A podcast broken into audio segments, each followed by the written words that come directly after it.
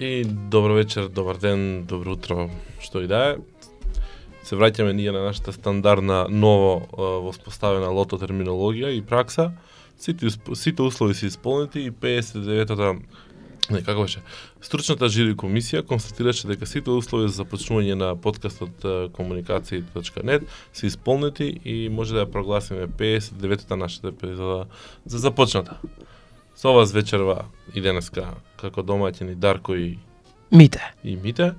А гостин еден и единствен Бидиков. Добро вечер ви. Да. Добар ден. Мене ми уште добар ден. Добар ден ти е? Да. Да, Бидиков е еден од оние ноќни птици кои што спиат по едно 17 и пол сати у годината. од прелека. И во куларите интернет македонски се збори дека е он од од оние позадински луѓе кои што никој не го знае баш многу како изгледа. Сите го чуле дека постои, ама кога им треба, брзо го наоѓаат неговиот телефонски број. А, ја појма немам кој и што е, само знам дека луѓе го фалат многу, па затоа му реков дека првото прашање што ќе му го поставиме денеска ќе биде кој е Вла... Владислав? Влад... Владислав Бидиков. Што прави во животот? Само кој, е, нема петте W да ги искористиме, кој како што Едно по едно. А, едно по едно, добро. Добро, значи кој е Владислав Ведиков? Па Владислав Ведиков е еден лик кој со IT се занимава уште од втора година средно, а изминативе 10 години е човекот позадината, како што и сам кажа. Чеки да пресметам сега колку години имаш. Втора средно плюс 10. Па не, има нели меѓу период нешто, ау, како и се животот на секој човек кога едното или другото ти е приоритет. Иначе човек кој е, лесно го наоѓаат, сите го знаат, една личност има кажано една реченица, значи кај што не го садите, бидиков никнуе. Е сега што сака да трето лице да се. Да. не, значи, значи ја тоа сум го чул, не знам како, Така. човек кој цело време преокупација му се мрежи, сервери, интернет, бендвајт, мегабити, гигабити, 3G и сите оние интересни кратеници кои ги имаме во IT светот. Моментално на магистерски студии на факултетот за информатика Финки, со надеж дека ќе одлучам која ќе биде темата пред да ме изедат оние законски рокови што ќе пишувам за магистерска од сите оние работи кои човек може да ги работи во IT светот. Е, Наброи многу. Што така не ти даваат одма магистарска, ти дечко си работел толку години, Ево, изволте. и Не, изволиш. не, бараат да положиш испити, бараат да имаш трудови и бараат на крај нешто да напишеш. И нели главното прашање, фуф, зашто ќе пишувам сега? Колку колку а, твоите обврски со академските светови, значи со со академскиот свет, а, се реално одразени во потребите на твоето дневно функционирање. Во смисла на ало Бидиков ми падна серверот, што да правам сега?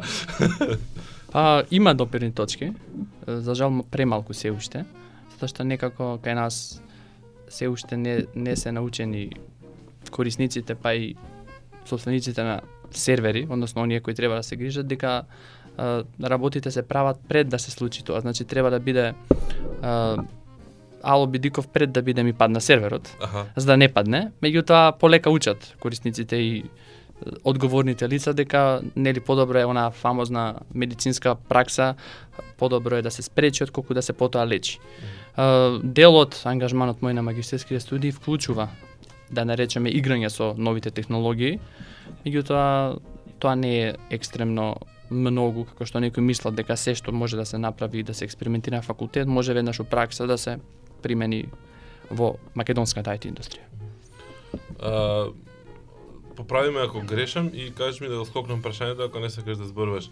А ти си човекот што е задолжен или еден од луѓето што се задолжени за суперкомпјутерот на Финки што беше нели звезда во медиумите пред некој време?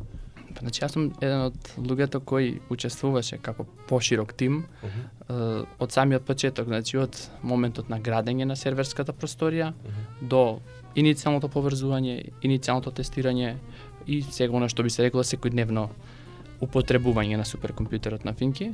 Значи тоа е дел од мојата ми бежало од секогаш пасија и некако се склопија коцките баш почеток на, на моите магистарски студии да се совпадне со оној период почеток на градење, па да речеме дека не дојдов на Финки нач... и за значи обсретнавме суперкомпјутер кој е во функција, неко повеќе беше значи дојдов на Финки, најдов една соба која требала да биде серверска соба и потоа во неа да се смести нешто што е машина, односно нешто што го викаат суперкомпјутер, кој има некои импозантни, значи карактеристики за нашиот поширок регион. Во однос на капацитет, во однос на можности, е сега останува дали на вистина тоа ќе се искористи как од академија, од То, тоа ми беше прашањето и што прави сега суперкомпјутерот? Значи, имаше веќе презентации, идејата е да што тој суперкомпјутер има поголеми капацитети, идејата е да може покрај она што се нарекува академско истражување да може да се најде во помош под некакви соодветни услови и за општата, да речам, IT индустрија. Некакви зачетоци во, во таа насока веќе почна, значи одредени IT компании, па и не IT компании изразија желба да ги користат неговите можности. Неговите можности генерално се поврзани со она што се нарекува high performance computing, односно кратенката што ја означува суперкомпјутинг. Значи не е исто, има две различни работи, едното е грид и другото е HPC, значи тие два поима кај нас се мешаат, па затоа сите сваќаат дека можеби суперкомпјутерот може да се користи не знам за играње игри, а тоа не му е поентата, затоа што во основа тој не ни поседува графички картици, не па да играме игри. Од друга страна, суперкомпјутерот може да се искористи за она што нас IT експертите ни е интересно, односно за предимензионирање, односно за она што ќе биде днината што го нарекуваат сите облак, односно веќе пресметување со високи перформанси, со огромни брзини и така натака. Се што она збориме за клауд, што ќе биде нели познатиот термин наредниме 5 до 10 години, значи некако од HPC кон клауд е онаа транзиција која во моментов се случува, значи во по нови сваќања HPC е исто што и клауд, значи cloud computing, односно пресметување во облак. А, пред неко известно време во неврзан разговор, а, помалку на шала, повеќе на вистина или обратно, не знам точно како беше, затоа и сега го поставам прашање, ми рече дека имаш пристап до 60% од а, сајтовите а, во Македонија, значи им ги гледаш серверите. Колку е тоа точно, за да знам да ти го поставам следното прашање? Па сега дали е баш 60% како број на сајтови, можеби не, меѓутоа ако гледаме во Добро, денес Е, во да. капацитет што го користат сајтовите, тука некаде е бројката. Некако мојата експертиза и моето ангажирање и она што го започнав во форма на приватна консултантска компанија пред неколку години, почнува да враќа, да враќа, односно да раѓа плодови и одредени веќе корисници сватија што значи да има да имате соодветен експерт кој уште во самото проектирање на такви проекти ќе ви даде насоки за да потоа тоа се реализира преку набавка и инсталација на соодветен систем компјутерски за на крај нели се оди како подмачка. да ги врземе двете теми, пошто еве го исполнуваш условот за да го поставам следното прашање, значи имаш пристап до, Кој те контролирате? бендвидот. 60% од бендвидот од македонските сајтови го контролира еден човек. Во тоа страшно е.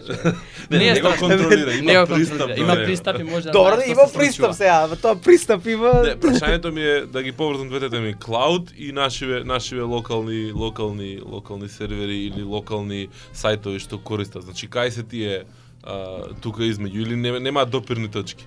Е, Зошто би ако немаат, зошто немаат, дали им уште или не им нема требаат? допирни точки. а, Значи, стандардно Македонија е место каде што работите во секоја сфера, во однос на напредок на технологијата, доцни. Па така и кај нас некако работите ни доцнат. А, Кога во светот сите користеа изнајмени сервери и колокација на такви сервери во дата провайдери, ние уште не знаевме што е shared hosting. Мгм. Сега веќе нашиве корисници научија што е нели shared hosting, ама они мислат дека shared hosting е магична формула која се става у чаша и тоа обезбедува И функционирање не- неограничен неограничен бендвајт и така натака. А знаеме дека не постои ништо бесплатно и ништо неограничено во светот. И така да од тој аспект се уште имаме многу да изодиме. Значи има некои кои на време ги виделе, да речам, тековите и на време се подготвуваат за тие активности, а има корисници кои упорно мислат дека едноставно ќе можеме да тераме со оваа магична формула и потоа за жал тука крајните корисници се тие кои го губат одот со со технологијата. Ако А, она што е интересно и што у Неврза муавет јагмав пред некое време, има еден лош тренд кој за жал го, го има ова влијание врз IT пазарот, а он е оној тренд на мода, односно помодарство, кој се случува, па така, значи, а, кога се појавија првите портали во Македонија, преку ног на нели конкуренција, односно печурки, Мгм. Потоа се појавија првите форуми, тој процес се повтори, сега се појавија пред некое време агрегатори, тој процес ни се повторува. Мгм, јасно. Сега веќе еве гледам и во некои нови видови на медиуми кои се само прокламираат и тој процес некако го забавува тој развој. Наместо Мгм. луѓето реално да седнат и да речат ајде да направиме нешто ново и нешто што е во тренд со технологијата, они почесто би седнале да речат ајде да направиме форум како Кајгана, агрегатор како Time, сајт како не знам Сител, онлайн мрежа како Facebook и тоа целото предизвикува да луѓето едноставно се маргинализирани во своите идеи што понатака и потоа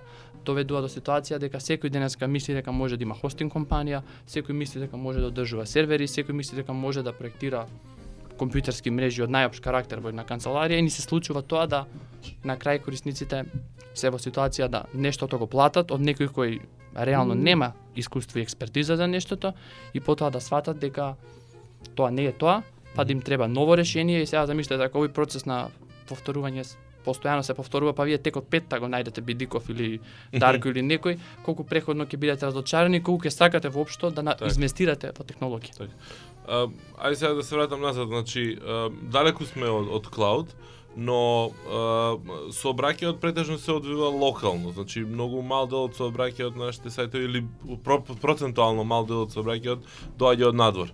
А, тоа значи дека немаат потреба нашиве да размислуваат на клауд или може да размислуваат за локален клауд. Мислам што би значило тоа локален клауд? Дали ќе ги нуди истите предности што ги нуди локално поставен сервер за сајт или Предноста на клауд и главната карактеристика е скалабилноста. така? Е сега, во тој контекст на Македонија, поради концентрацијата на сообраќајот исклучиво на локален, може би од слободна проценка да кажам 70-30 за локален према Мгм. интернационален во однос на збориме македонски сајтови, значи не дискутираме сајтови како YouTube и Facebook, кои се надвор од конкуренција, Јасно, кои се знаеме дека се грото устранство хос- хостирани и базирани. Значи, тука клауд, како локални клауд платформи, треба и може да понуди некакви предности.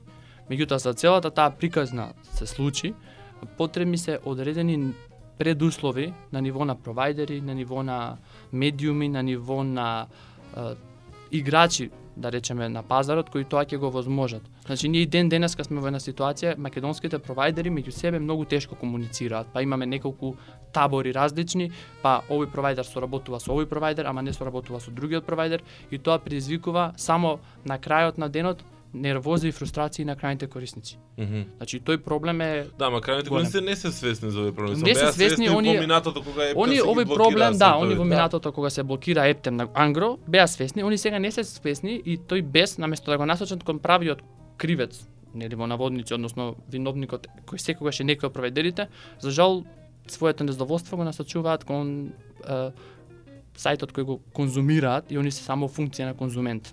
И многу тешко е да им објасне зошто на пример којшниците на провайдер X не може да пристапат на, до вашиот сајт кој е во провайдер Y, затоа што они мислат дека тоа е нели нешто направено со цел. нели, не- ја имам чувство дека првата првата мета е собствениот провайдер на корисникот, интернет провайдер, не не не е хостинг на сајтот, туку интернет провайдер. Првата реакција на крајен корисник е тапа ми е интернетот. Е, да, но не, веќе стануваат корисниците свесни дека ако вас не ви отвара еден само сајт, а ви отвара се друго, значи многу е јасно дека проблемот не би требало да биде во провайдер. Освен ако не е склоп на чудни комбинации и вашата луда среќа да ви биде баш тоа проблем.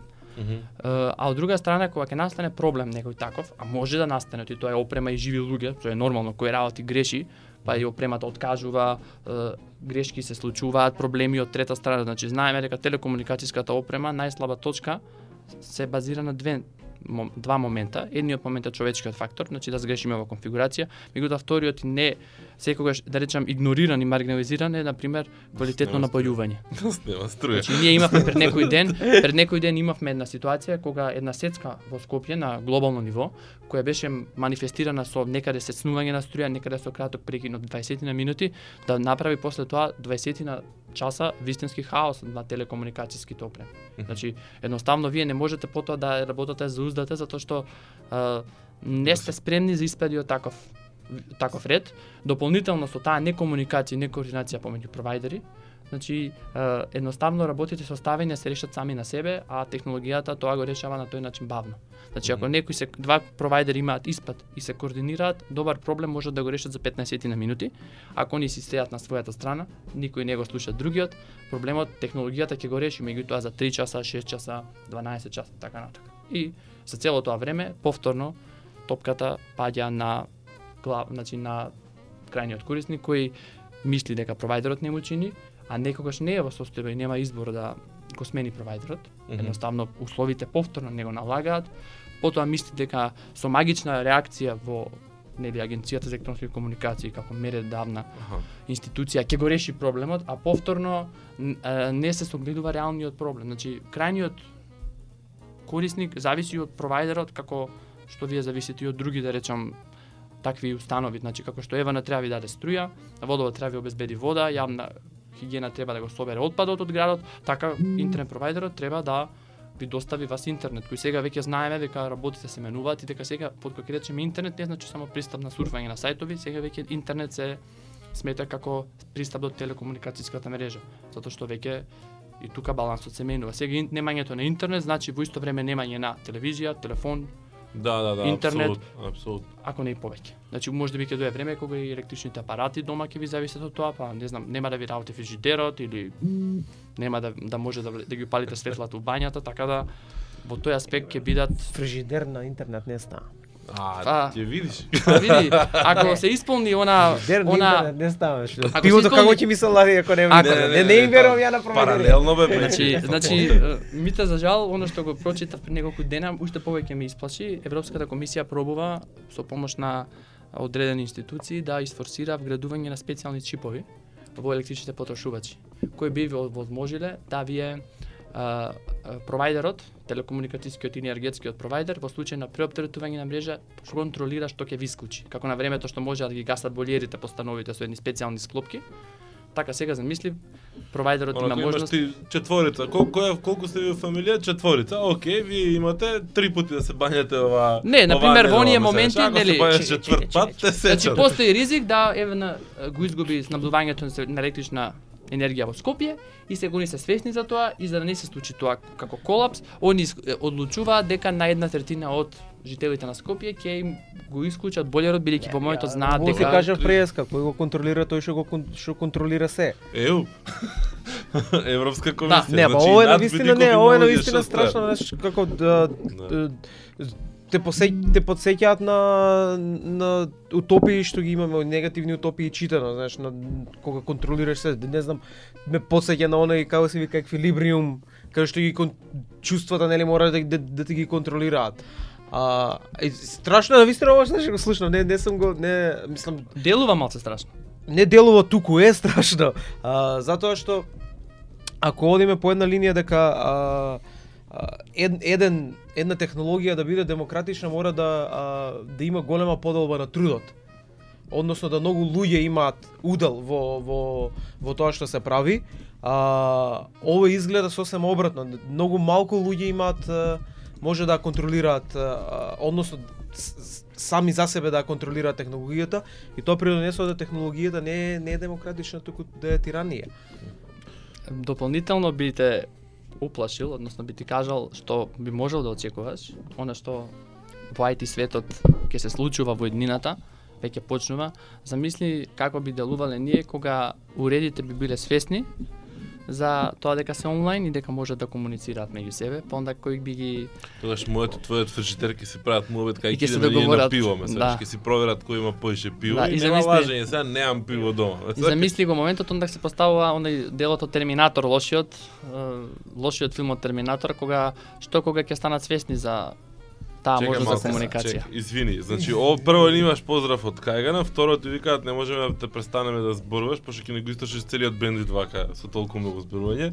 Трето имаш поздрави од а, Киро и од а, Ванчо и од Маријан од Кајгана и, и Пипо.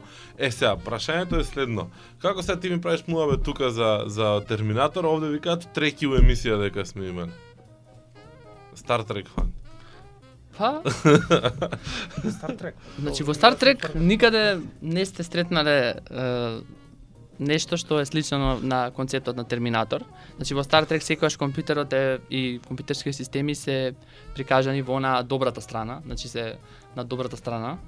И оној од еден од оние е, ликови кои ни Star Trek серијалот цело време се е, нели појавува со, со желба да биде на крајот човек, нели андроидот дата, Uh, значи во ниеден од ниеден од филмовите не е представен во оваа лоша конотација која ние дискутираме, mm. за разлика од она што го представуваат Rise of the Machines во Терминатор. Односно целиот концепт на Терминатор нели е тоа. Да. Сега, uh, јас сум љубител точно на Star Trek, меѓутоа од друга страна па некои uh, ставови, некои елементи од одредени филмови меѓу кои Терминатор сакале ние да признаеме или не стана повеќе или помалку реалност па дури и делови од Star Trek еве да го да размислиме. Значи кога пред X години некој гледал трекодер рака и викал леле овој инструмент ќе дава слики од и состојба на човековото тело, некој ќе речел човеков бил бил и е многу гледа во иднината и уреди такви можеби ќе постојат во иднината, меѓутоа факт е дека многу побрзо, можеби не утолкава димензија, меѓутоа се појавија уреди као магнитна резонанса, компјутерски скенер, кои веќе толку се напреднати кои навистина можат да ви дадат добар скен на телото. Е сега да, се уште не се на оние димензии да го држите ви у рака, ја туку ма чек се од надарка да му направиме една магнетна резонанца. Не, Да видиме. дека нема она е, транспо, за транспортирање, како беше Транс... она Па, Бимми. beam me up Scotty или не. ја како види, транспортерот Energize, може да е, транспортерот може да ќе се појави кога тогаш, јас се уште се очекувам и се надевам дека ќе се појави оној универзалниот преведувач. Нели, зона значка на што ја носат, која е, каде што јас ја ви зборам на клингонски, вие ме слушате на човечки, па Добро, имаше една презентација лани на на е, Share Conference во Белград на некои фраери од Америка кои што прават во живо анализа на видео, значи на говор на видео и прават значи долу на екранот дојде некаква статистика од тоа кои од дебатерите во моментот каков тип на говор употребува, кои зборови најчесто ги употребува и прават семантичка анализа на на говорот и вадат некакви заклучки. Мислам тоа одеше во real time и беше онака прилично импресивно. Се уште се у тешка фаза на истражување, мислам со години го прават тоа, меѓутоа покажаа неколку неколку примери што ги работеле во живо. Мислам тоа е оној слој на на телевизија интерактивен што го зборувавме Да. во во минатиот во минатиот епизода. Значи делуваше стварно импресивно сето тоа, така да се во тој правец сме, приближуваме, да. да. Значи, Значи, се вратиме на Star Trek сега. Не, бе, сега се вратиме на серверите сега на Star Trek. Дај да видиме сега наш Не, ама чекај, нели се договоривме дека дека темата ќе биде безбедноста на Да, ајде. на, на, Де на каже сега за безбедност. Па ние не се договоривме, ама рековме апан со што ќе излезе. Да, ние се договоривме. Не, ние се договоривме како што ќе правиме, ај за безбедноста на во Македонија на интернет, на, на серверите и така натаму, на сајтовите. на сајтовите, да. За бугарите и А. за грците да ни кажеш се. Да, како ни влеваа бе тие, е, како а? Значи, им дава? веќе Кој е во воведот, во воведот, во воведот кажав, нели, од што најчесто пати телекомуникацијската опрема и тоа важи некако и неприкосновени за серверите, значи една работа што може да му се случи лошо на сервер е да му снема струја и тогаш нели може хардверски да откаже. Другата работа која исто така може да му се случи е недоволно внимание од страна на човечкиот фактор, кој најчесто е причина да вас ви се случува тоа што нас не се случува во во нашиот интернет свет. Значи 98% од упадите во серверите у Македонија се грешка на администраторот. Иако администраторот може би не е правилниот збор, може би систем инженерот е Мгм, направил мгм. правилниот назив, кој не си ја завршил до крај својата работа. Значи, тоа е процес не не не прекинат. Ова алудира на тоа дека он си ја знае работата, меѓутоа во дадена ситуација е, за, забавил, не е завршил работа, Или оди на па линија има на помал отпор. или Па не знаел и да ја едното и направи. другото, значи или е или закаснил, Мгм, и кога ќе речеме закаснил, не збориме закаснил час-два, мгм. него збориме за месеци или недели. Со апгреди, сетензи, Да. метензи. А втората работа што нели имаме една интересна ситуација каде што у Македонија сите се експерти за се, Добро. па така сите се само прокламирани експерти за веб дизајн, сите се само прокламирани графички дизајнери и меѓу другото и нели систем инженери, па во самиот концепт на изработка на еден таков сајт имате состојба каде што он едноставно фатил една кратка патека, мислел дека со некој туторијал од интернет кој е многу површен ќе заврши работата, тоа иницијално супер функционирало, меѓутоа од безбедносен аспект воопшто не ни било предмет на тој туторијал и тоа вие одите лайв, време поминува и после некое време нормално ако оставите на на тој момент се случуваат проблеми и најчесто тоа им се случува на сајтови каде што постојано им се случува проблемот. Значи они ќе ќе ќе им биде упаднато администраторот да би речеме ќе го врати сајтот, потоа бидејќи он мисли дека се е во ред и не презема дополнителни мерки, после неколку дена се случува истото, истото и така натаму и после пет хакирања едноставно луѓето веројатно стануваат и викаат окей, имаме проблем и сега како да го решиме. А, во однос на Дарко твојата дискусија што е многу важна, значи секоја од платформите, исто како што и оперативниот систем на лаптопот или на Андроидот, на телефонот или нели на iPhone, ако вие не го ажурирате, сте се изложувате на некакви ризици. Ажурирањето на нова верзија, покрај новите опции кои може би ги имате или ги немате, основното е што добивате закрпи подобрување на постојните опции. И во веб светот тоа е многу динамичен екосистем. Значи вие немате ситуација да тоа една закрп имате у три месеци или не знам у една у година дена, него некогаш може има периоди годината кои нели тоест најчесто базирано на слободен софтвер, има периоди кога вас може би се случи во три дена да имате да речеме 30 на апгрейди за направење. И сега ако го комбинираме едното со другото, администраторот од една страна мисли дека се е во ред, од друга страна багови излегуваат, апдейт излегуваат и во еден момент се, вие сте во ситуација да серверот ви натацна. на тацна. И се случува тоа што се случува. Каде каде настанува почесто овој курсус да се остави серверот тацна кај на, на пример кај сетовите кај CMS-от или кај самата конфигурација на на серверот. Значи дали за да се бутне еден сајт се оди исклучиво преку почна поима немам ја тема на пример. Одиш директно преку мислам у CM у CMS-от влагаш наоѓаш начин да да експлотираш или наоѓаш начин како да да пристапиш до сервер и да таму нешто Многу чекаш? полесно е на ниво на CMS-от, затоа што тоа се најчесто системи со отворен код, Мгм, каде што имате ог- огромен број на познати јавни дупки мгм. и постојат јаватки кои вас ве прават мокен хакер со тоа што вие треба да кликнете, не знам, три копчиња, да дадете адреса на потенцијален Joomla сајт и со кликање на три копчиња да речеме да ја смените насловната на тој сајт. Значи Мгм. веќе познати багови кои се јавно достапни, кои веќе се закрпени у понови верзии, меѓутоа бидејќи Да, машината што го вози нон-стоп. тоа не е ажурирана, два, со два клика ви имате defacement, па така му ќе чуеме како да речеме одредена хакерска група направила defacement на 120 македонски сајтови. И ако извадите статистика и ако ако забележите дека 120 сајта се на истата верзија на Joomla и веројатно Да. ги изработувал ист, ист, иста компанија која после тоа баталила веб дизајн, Јасно е дека тука проблемот не е на, сер, на серверите, значи тоа им се случува. Најчесто луѓето не се свесни, најчесто бараат проблем на серверот, а скоро секогаш виновникот ви е у собствениот двор, Мгм. значи во платформата. Значи тука се борат платформите да тоа го решат на подобар или полош начин, за жал не сите исто безбедноста ја сваќаат сериозно.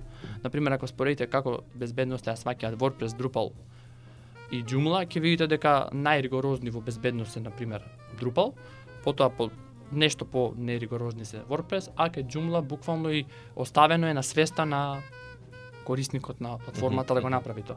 Па така, ако имате сериозен безбедносен пропуст, WordPress има методи како да ве предупреди за тоа, Мм. Drupal има методи како и да ви ги исклучи тие ризични Мгм. плагини или модули, а додека Joomla нема ни да ви рече дека Општо. има апгрейд. Значи едноставно вие ќе бидете ќе мислите дека се ви up to date, ќе бидете секни задоволни, а меѓу време чудни работи ќе се случуваат на сајтот. Е, често се решаваат е, луѓе во Македонија да се направат паметни па да прават и своји CMS-и. Кој е искуството тука? Искуството Е, Во генерално- поглед на безбедност, правам во, во, во поглед на безбедност, искуството е, најмногу зависи од квалитетот на програмерот кој тоа што што го замислил, нели, идниот автор на CMS-от ќе успее да го изреализира. Е, се поставува проблемот, односно се поставува и желбата и потребата да на вистина размислите дали е тоа необходно. Затоа што ако вие споредите WordPress е проект кој постои десетина години. Joomla е проект. Joomla е проект кој кој, кој постои 15 на години. Drupal исто некада. Мм. И сега имате ситуација каде што некој веќе долго време горел вашиот пат на CMS, па се поставува на прашање. А, да направам CMS мој за да бидам фраер и тој CMS да биде на нивото на CMS-от со кој започнале сите овие светски платформи мм. или пак да искористам и да видам што е најдобро и само она што навистина нема како опција да го доработам како или програмер, Мм, мм. onda само што ми не остасува. И тој кај нас За среќа, тренд се дојде на свој ред, односно дојде на по своја насока, затоа што все повеќе луѓето сватија дека нема потреба да правиме наши CMS-и, туку користиме едно од овие три најчесто користени, поуспешно или понеуспешно. Меѓутоа, Она што е незгодно кога користите туки CMS, односно кога користите и нели open source CMS, достапен, јавно да. достапен, од еден аспект безбедносно треба да бидете во тренд, а втора работа, а вие користите готова алатка. Значи вие знаете да користите нож, меѓутоа не знаете како тој нож е изработен. Мгм. Па се поставува они проблемот кога ќе треба да надоградите нешто или да кога ќе треба да изработите нешто по желба, Или да го изустиш. едноставно едноставно не едноставно не знаете како да го направите тоа. Значи вие ви треба многу долго време и затоа едните се поуспешни, другите понеуспешни во изработката на кастом модули, меѓутоа ви треба време за да го познавате. Значи јас сега ако ве прашам колку вие познавате Joomla, вие ќе да, бе, тоа е еден CMS, кликнувате тука чап чап Да. чап и добиваш некој сајт. Веројатно исто да ќе го кажем и за Drupal и за WordPress. Јасно. Меѓутоа, ако ви речеме ај сега да изработиме модул за еден од овие три, веќе ќе најдеме Така, на проблем. така. Реално, ако вие барате програмери кои изработуваат сајтови само со кликање на овие CMS-и, ќе најдете 100. Ако побарате програмери кои го познаваат CMS-от за да ви изработат модул, ќе најдете 5. Значи односот е некако Јасно. така и од тука доаѓаме до А, тој дел дека боле е да Само користиме. два коментари од е, нашите сениор сениори слушатели, морам така да ги наречам. Се надевам дека нема да ни се наутат. А, Ванчо вели, значи прашува нешто што го имав ја на ум. Колку реално се очекува безбедност на просечен МК сајт кога ција Sony и DOD ги изхакира? Мислам, нели, чо, се што направил човек, друг човек може да го бутне, но ајде, прашањето тука стои легитимно. Прашањето е легитимно и се враќаме на она што стартот го кажав. Колку човекот, односно тимот кој ви е позади еден таков сајт, ви е спремен да се впушти во таа вечна битка на глушец и мачка. Значи, затоа што во однос таква е ситуацијата кога интернет безбедноста и општо безбедност компјутерско прашање е секогаш што. Е сега, ако вие знаете дека грото од ризиците ви доаѓаат од самата CMS платформа и ако на тоа се посветите доволно, можете колку толку да направите некакви мерки кои ќе ви дадат високо ниво на квалитет, односно безбеден сајт. Апсолутно безбеден сајт, јас се слагам дека не постои, ама еве нека биде 98% безбеден е скоро идеално. Значи нема тоа грешките на ЦИА и на другите Да, секогаш се дали минорни. Се, дали ќе се сетиш? Дали првиот сериозен напад на македонски сајт беше оној DDoS нападот на Ајден пред многу години? Кај што паѓаше континуирано долго време Ајден, па мораат да купат, да платат некој сервис негде по странција за да ги преземат тие напади. Не се сеќавам на деталите, мислам не ги ни знам точно. Значи, дедос на сајтови се случували, се случуваат секојдневно и во поголем или помал ранг, и Те македонски се прости зборови, сега за ништо не се технички. Значи, во Што е основа, denial of service, односно DOS е оневозможување лег, легитимните корисници да можат да дојдат до серверот за да комуницираат, за да пристапат до еден сајт. Значи, во аналогија би било, значи сега додека сме во емисија, да ни улета тука некој и да урла Седе. толку гласно, па нашите слушатели не би можеле да не слушнат Или у нас. пазар на тезга, многу луѓе пред Да, и едноставно, значи сега нашите слушатели у целата таа ситуација ќе го слушаат урлањето на тој натрапник. пред гол. Да, Гужва гужва пред гол. И, а нема да го слушнат значи тој што е во емисијата. Значи тоа е аналогијата. DDoS е една надградена верзија на тоа истото, односно тоа првото D значи distributed, значи дистрибуиран, каде што ако преходно нас ни упаѓа во радио 1, ни прегалвама, значи ди- distributed ќе дое кога ќе ни упаднат 10, 100, 50 и така натака и се ако оваа бројка ќе ја скалираме во енормни големи рамки, на пример 100.000, замислете каква какво ниво на бучава би се створило успоредба со 1. Значи, а, дали е DOS или DDoS напад кон еден сајт, многу тешко можеме да утврдиме, особено ако станува збор за сајт кој од со голем бендвајт, односно со, со голема посетеност. Затоа што ако ние сега погледнеме еден сајт кој ре, реално има по 2000 корисници во исто време, и ако тој сајт го нападнат некои 200 други или 300 корисници, вие нема да знаете дали тоа е напад или можеби наплив на нови 200 или 300 корисници. Па дури на магнитудата ако се зголеми, па на пример ве напад ви дојдат уште 1000 корисници на сајт, вие веројатно у прв момент ќе мислите дека од 1000 посетители уп нешто сме направиле добро, па ни дошле 2000 Некои јаки цицки се објавиле и Да, нешто ексклузивно е објавено и шокантно и ни и ни и, И тоа се реални и скандалозно и тоа се реални, значи посетители. Мгм. Меѓутоа многу набрзо кога ако следите ќе видите по- дека тоа по- не е по така. серверски логови овие посетители што се напаѓачи условно речено се однесуваат еднакво како Да. било кој. Значи, тоа најчесто се, за жал, тоа се нарекува, значи, тоа се нарекува ботнет, значи, обично тоа се инфицирани кориснички компјутери. Мгм. И а, вие учествувате во една таква операција, без да бидете свесен. Вие како обичен prosечен корисник на вашиот, пример, Windows компјутер сте ставиле некаков антивирус кој во основа е вирус или сте користеле крак или сте користеле некакво такво средство со кое вашиот компјутер станува едно зомби во ројот на зомбија кои одреден напаѓач ги поседува.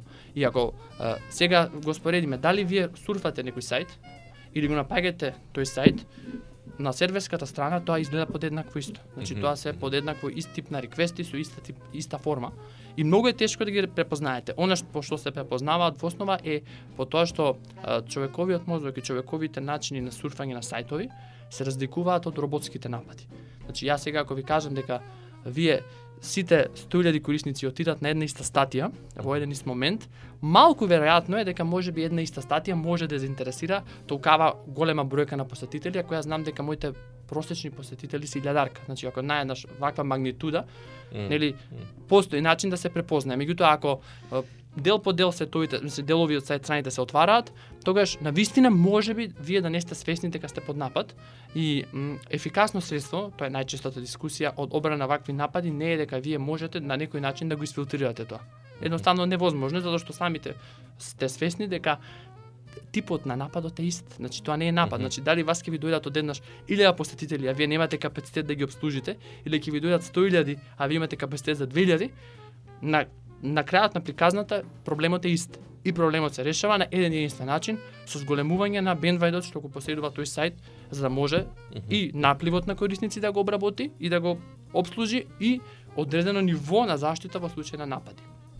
Случајот со Ајден, ако е тој за кој мислам дека дискутираше кога тоа јавно он излегува у медиуми, беше малце напумпан како и сите новинарски приказни секаде во светот. Значи тоа истото би веројатно би се случило ако се случи некаков напад на CNN, на Јасно, NBC и така натака, затоа што она што излучи во, во етер, јас многу добро ги познавам, тоа беа едни графикони кои покажуваа некаков собраки на еден од серверите. Е сега бидејќи никогаш ајде не дала точна информација или медиумот не кажал, значи со какав аспект на сервер инфраструктура располага, многу тешко е од страна вие да процените дали тоа е напад на еден сервер, дали е тоа напад на 100 сервери, дали е тоа напад на цела платформа или цел провайдер. Мгм. Дека постојат такви специализирани ентитети кои ви нудат можност да го преземат делот сообраќајот, да го изфилтрираат колку тоа се може Мгм. и потоа да ви го дадат само чистиот сообраќај, постојат, меѓутоа нивната ефикасност е право пропорционална со она што веќе го дискутиравме од навиките на вашите посетители. Мгм. Мгм. Значи сајт кој на вистина има многу видеа, сајт кој има многу интерактивни содржини кои се замашни, нема да му помогне. Сајтот на Ајден Мгм. беше таков, кај што имаше многу стати и нема вас реално да ви помогне Мгм. да се обраните од таков начин. Начинот на обрана е на друг метод, со други методи кои е, бараат вие преходно да имате добар тим, па вие да ги знаете однесувањата на вашите корисници. Вие да знаете кој период од денот како ви се движи посетеноста и сразмерно на тоа да реагирате. Значи ако вие имате после првиот дневник најголем број на посетители, а видите таков наплив са бајле од 9, нешто не штим. Мгм. Меѓутоа ако вас ви е нормално после првиот дневник да имате таков таков спајк, Пик, да. да таков пик, едноставно е нормално да тоа остане така и треба постојано да следите, значи постојат некои алатки кои се по да речам едноставни за крајниот корисник, кои може да му надоговестат дека нешто се случува, а секако добриот сервер администратор со добар мониторинг систем во секое време ќе ја знае реално каква е состојбата со еден сајт. Она што е страшно, бидејќи се на се навраќаме на онаа дискусија со македонските провайдери, многу тешко ја да процените кога е испад на провайдер во прашање, а кога е напад. Пример, сега ако вие сте хостирани во провайдер X, а падне цел провайдер Y, што вас вие можеби 30% од вашите посетители, Мгм. значи вие првично можеби ќе мислите дека падот на корисници е предизвикан од некаков напад, а во реалност уствари станува збор за тотално различно нешто, односно едноставно се прекинала комуникацијата помеѓу двата провайдери. Мгм. И сега тука секогаш Колку често тоа на дневно ниво се случува во Во Македонија се случува често од причина што не сите провайдери се поврзани со секој друг провайдер. она што одамна е најавено како Macedonian Internet Exchange. Значи, ви имате ситуација каде што одредени провайдери немаат директна врска со други провайдери. Па целиот собраќај помеѓу овие два провайдери оди преку оние интернационални линкови. Замислете, наместо да патува пакетот на ниво на Скопје или можеби на ниво Македонија, кутриот мора да оди прво да речем до Виена целиот собраќај, Мгм, мгм. па некаде таму каде што има спојување меѓу блиските Мгм, оператори, па од таму да се врати назад Мгм, кон мгм. провайдерот. Е сега тоа е многу неповолно затоа што на тој начин ви им трошите бендвајт и на двете страни. Значи наместо Да. двата провайдери да пуштат еден кабел меѓу себе со огромен капацитет, они и двата провайдери купуваат скап Мгм. интернетнален бендвајт за нешто што може да го решат со еден кабел. Има прилично добри конекции излезни надвор од Македонија сега а, до сервери во околината и, и во Европа. А, колку што гледам се повеќе и повеќе локалната пракса е со локални сервери со своји машини да да работат, затоа што наводно нели тука си е, твоја си е, комплетно си е, си е управуваш. А, која е препораката? Мислам дали да се дали да се работи на своја машина, дали да се работи некаде надвор на некаков скалабилен систем, клауд или можеби најдобро да се работи на клауд тука? А, Значи, со, во зависност од потребите на клиентот и на проектот, препораките се различни. Мгм. Значи, секако би трнале од препоставките и од случувањата кои еве како пример ќе го земеме Google. Значи како најголем телекомуникацијски оператор веќе би го нарекол. Значи како најголем собственик на сервери у светот, Мгм. он постојано ги се труди да ги приближи своите сервери поблиски географски до своите корисници. Јасно. Значи дури со желба да у наскоро време да видиме се надевам и сервери на Google во Македонија или можеби нешто поблиску географски у Каде има регион. сега најблиску се знае? Не, бидејќи ни самиот Google реално не знае колку севери има кај ги има, мислам дека такви инсайдерски информации се тешко достапни. Значи, од таму би тргнал дека најдобро е да ви биде све локално. Е сега, тука има друг компромис. Ако вие треба да бирате меѓу брз и квалитетен локален сервер кој нема да има соодветен сапорт за него, соодветен број на инженери и квалитетен провайдер, тогаш треба да размислувате во не, во блискиот регион дали може би има нешто што нема да биде ваше, меѓутоа ќе биде базирано на клауд, но не мора да биде базирано на клауд, а ќе ви заврши работа. Па тука доаѓаат во игра сите овие околни земји каде што може да знајмите сервер, Побрзи се конекциите Македонија, Србија, Македонија, Бугарија, отколку Македонија, Германија, да кажеме? па не, затоа што врските се едните исти. Македонија, според некои мои анализи, моментално има врски кон сите околни држави.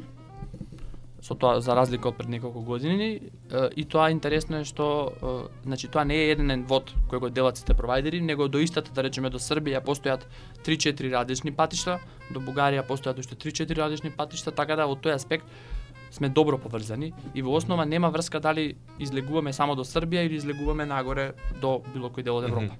Интересно е тука зависи и нагоре каква е развиена инфраструктурата. На пример Србија на вистина има добро развиена инфраструктура, Телеком Србија како провайдер уште многу поодамна направи некакви инвестиции со кои обезбеди одлична транзитна инфраструктура, значи вие чим дојдете до Србија за многу мало латенци, за многу кратко време доаѓате до Хрватска, таму е уште подобро, значи и дури за трепнете вие сте дошле до Германија, до некои од најголемите таму берзи, односно интернет exchange точки и веќе сте на интернет, односно сте дел од она што ние го, би го нарекли интернет. Е сега проблем е да речеме што Македонија како Македонија се уште на, во рамките на Македонија има ограничени капацитети за транспорт. Мгм. Значи про, некој провайдер има во еден регион повеќе, во друг регион помалку и еден провайдер на пример кој има врски кон Србија, нема врски кон Грција и кон Бугарија. Другиот провайдер има врски кон Бугарија и кон Албанија, нема кон Грција.